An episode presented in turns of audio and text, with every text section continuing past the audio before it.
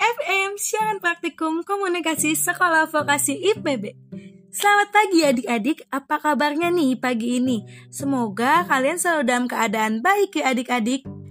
Oh iya, jangan lupa sarapan paginya juga ya, biar tetap semangat terus nih di pagi hari yang cerah ini.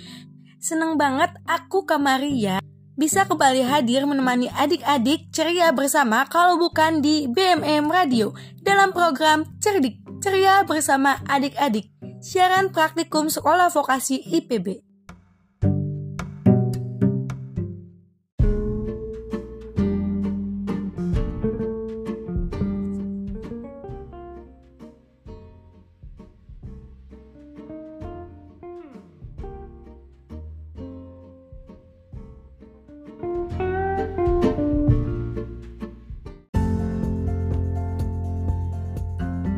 105,6 FM Siaran Radio Praktikum Komunikasi Sekolah Vokasi IPB Seperti biasanya aku bakal nemenin adik-adik bermain bersama dan ceria bersama.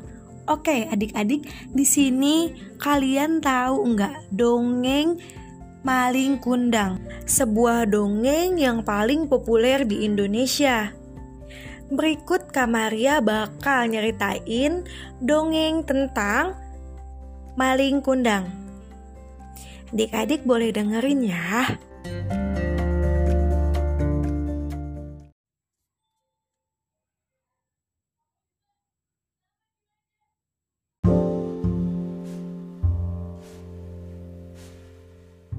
105,6 FM siaran praktikum komunikasi sekolah vokasi IPB. Masih bersama aku Kamaria di BMM Radio dalam program Cerdik Ceria bersama adik-adik. Gimana nih adik-adik masih tetap semangat kan ya? Oh iya, mengenai corona yang sekarang ada di Indonesia, adik-adik tahu gak sih kalau kita itu harus selalu menjaga kebersihan, menggunakan masker, jaga jarak, Salah satunya, kita harus selalu mencuci tangan setelah bermain atau jika ingin makan, karena mencuci tangan adalah salah satu kebersihan ya adik-adik. Di sini Kamaria mau ngajak adik-adik buat cuci tangan bareng Kamaria nih. Cara yang pertama, adik-adik bisa basuhi tangan adik-adik dengan air yang mengalir. Kedua, adik-adik tahu gak kalau cuci tangan tidak cukup hanya menggunakan air loh, karena kuman masih ada di tangan adik-adik. Jadi, adik-adik boleh mencuci tangan menggunakan sabun agar kuman-kuman yang ada di tangan adik-adik bisa hilang. Setelah menggunakan sabun dan air, adik-adik boleh menggosokkan kedua tangan adik-adik dengan bersih.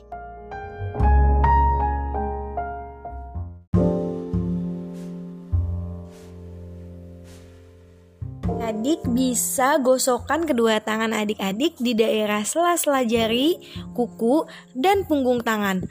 Setelah itu, kemudian adik-adik bisa membilas kembali dengan menggunakan air yang mengalir. Selesai deh. Oh iya, Kamaria mau ngingetin buat adik-adik terus jaga kebersihan agar terhindar dari bakteri.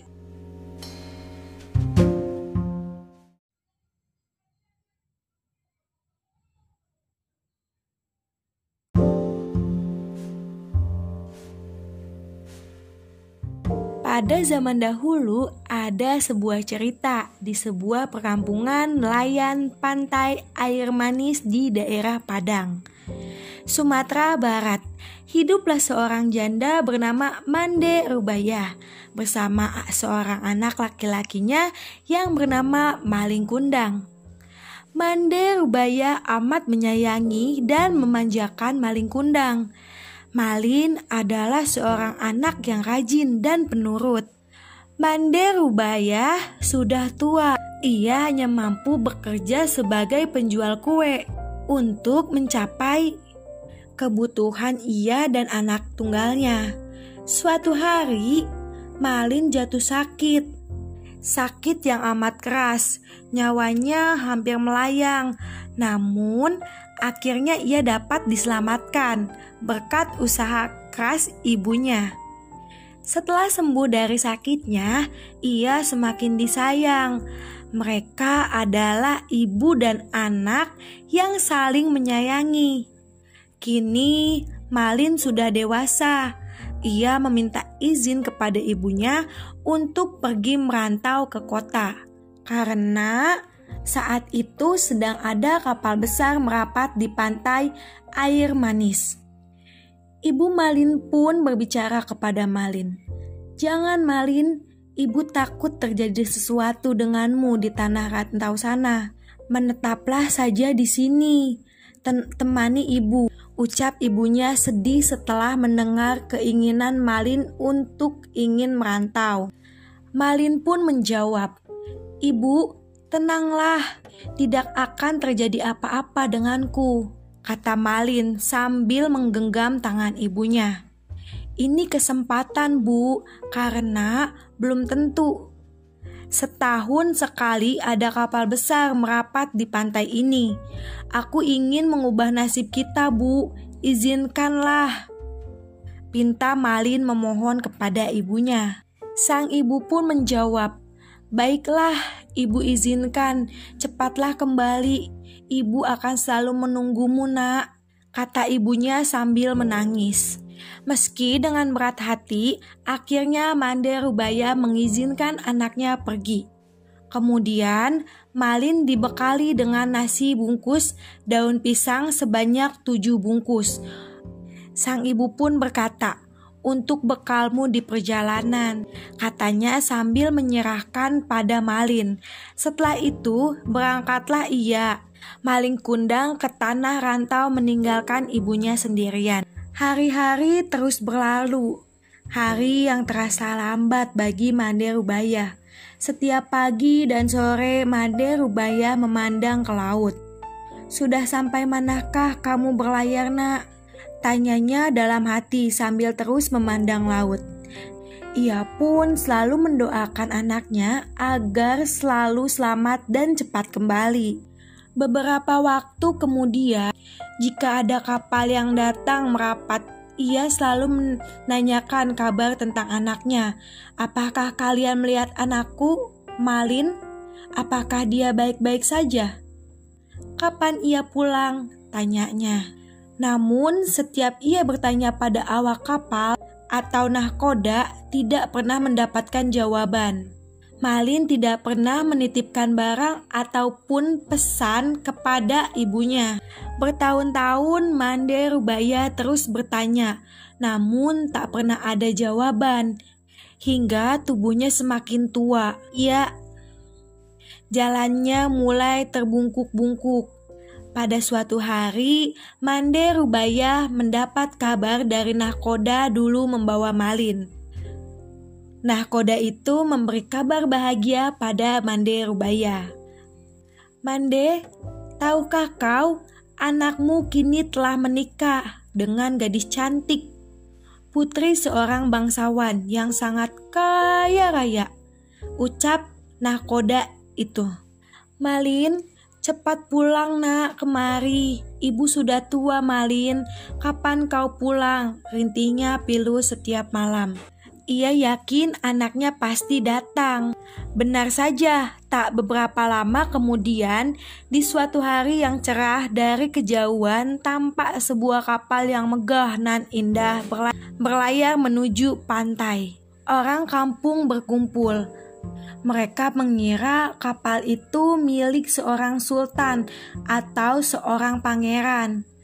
Mereka menyambutnya dengan gembira Manderu Bayah pun amat gembira mendengar hal itu. Ia selalu berdoa agar anaknya selamat dan segera kembali menjenguknya. Sinar keceriaan mulai mengampirinya kembali.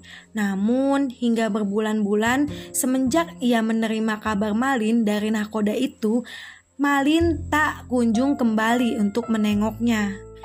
Ketika kapal itu mulai merapat, terlihat sepasang anak muda berdiri di anjungan. Pakaian mereka pun begitu berkilau, terkesan sinar matahari.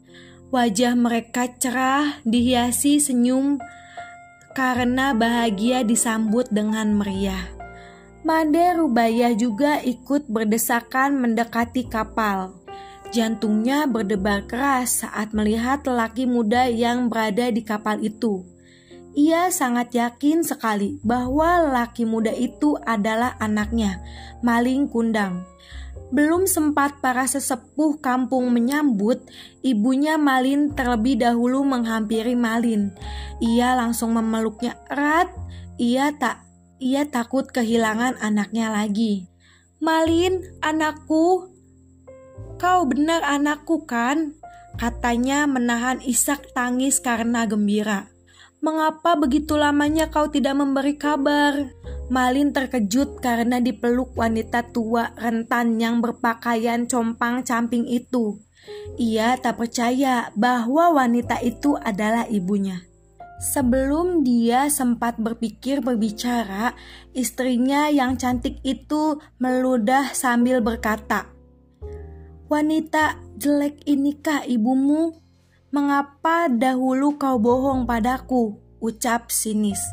Bukankah dulu kau berkata bahwa ibumu adalah seorang bangsawan yang sederajat denganku? Mendengar kata-kata pedas istrinya, Malin Kundang langsung mendorong ibunya hingga terguling ke pasir. Wanita gila, aku bukan anakmu, ucapnya kasar. Mande Rubaya tidak percaya akan perilaku anaknya. Ia jatuh tertunduk sambil berkata, Malin, Malin, anakku, aku ini ibumu nak. Mengapa kau jadi seperti ini nak? Malin Kundang tidak memperdulikan perkataan ibunya.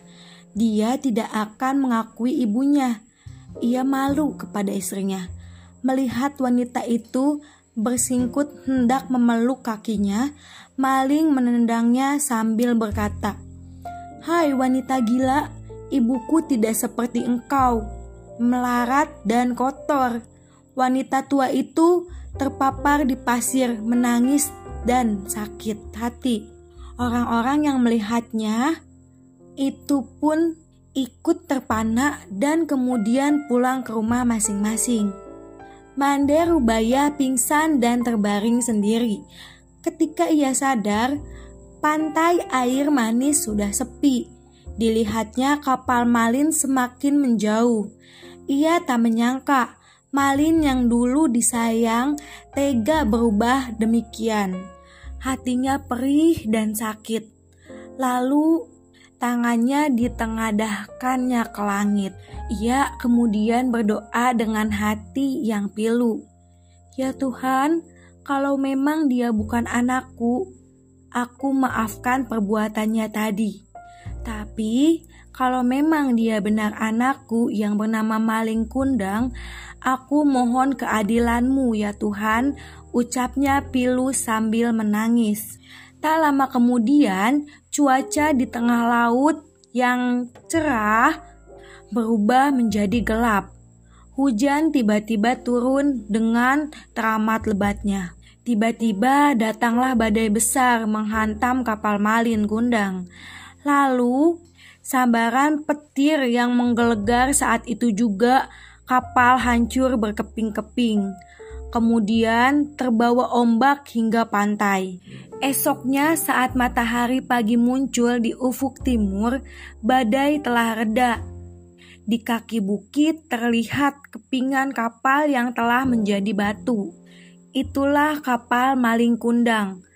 Tampak sebongkah batu yang menyerupai tubuh manusia, itulah tubuh Maling Kundang anak durhaka yang kena kutuk ibunya menjadi batu karena telah durhaka. Di sela-sela batu itu berenang-renang ikan teri, ikan belanak, dan ikan tenggiri. Konon, ikan itu berasal dari serpihan tubuh sang istri yang terus mencari malin kundang. Sampai sekarang, jika ada ombak besar menghantam batu-batu yang mirip kapal dan manusia itu terdengar bunyi seperti lolongan jeritan manusia. Terdengar bunyinya seperti orang meratap menyesali diri. Ampun bu, ampun. Konon itulah suara si Malin Kundang, anak yang durhaka pada ibunya. Sekian dongeng dari Kamaria. Gimana nih dongengnya adik-adik? Seru kan?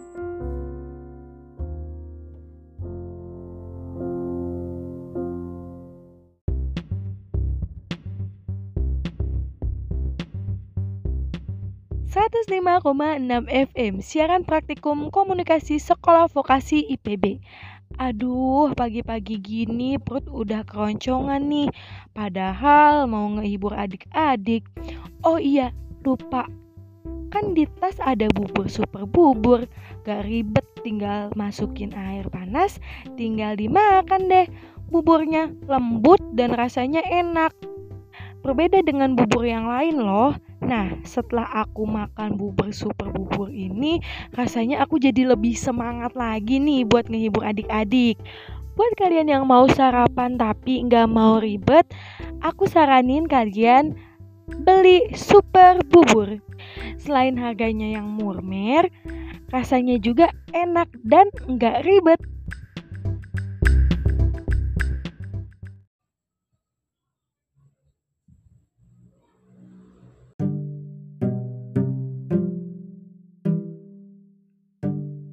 105,6 FM Siaran Praktikum Komunikasi Sekolah Vokasi IPB Masih bersama aku Kamaria di BMM Radio Dalam program Cerdik Ceria bersama adik-adik Gak kerasa ya adik-adik, udah 15 menit kita ceria-ceria bareng bersama adik-adik. Sedih rasanya waktunya begitu cepat. Buat adik-adik di mana pun kalian berada, jangan lupain Kamaria ya. Semoga di lain waktu kita bisa ceria-ceria bareng lagi. Oke adik-adik, aku Kamaria pamit undur diri. Mohon maaf bila ada salah-salah kata. See you, bye-bye.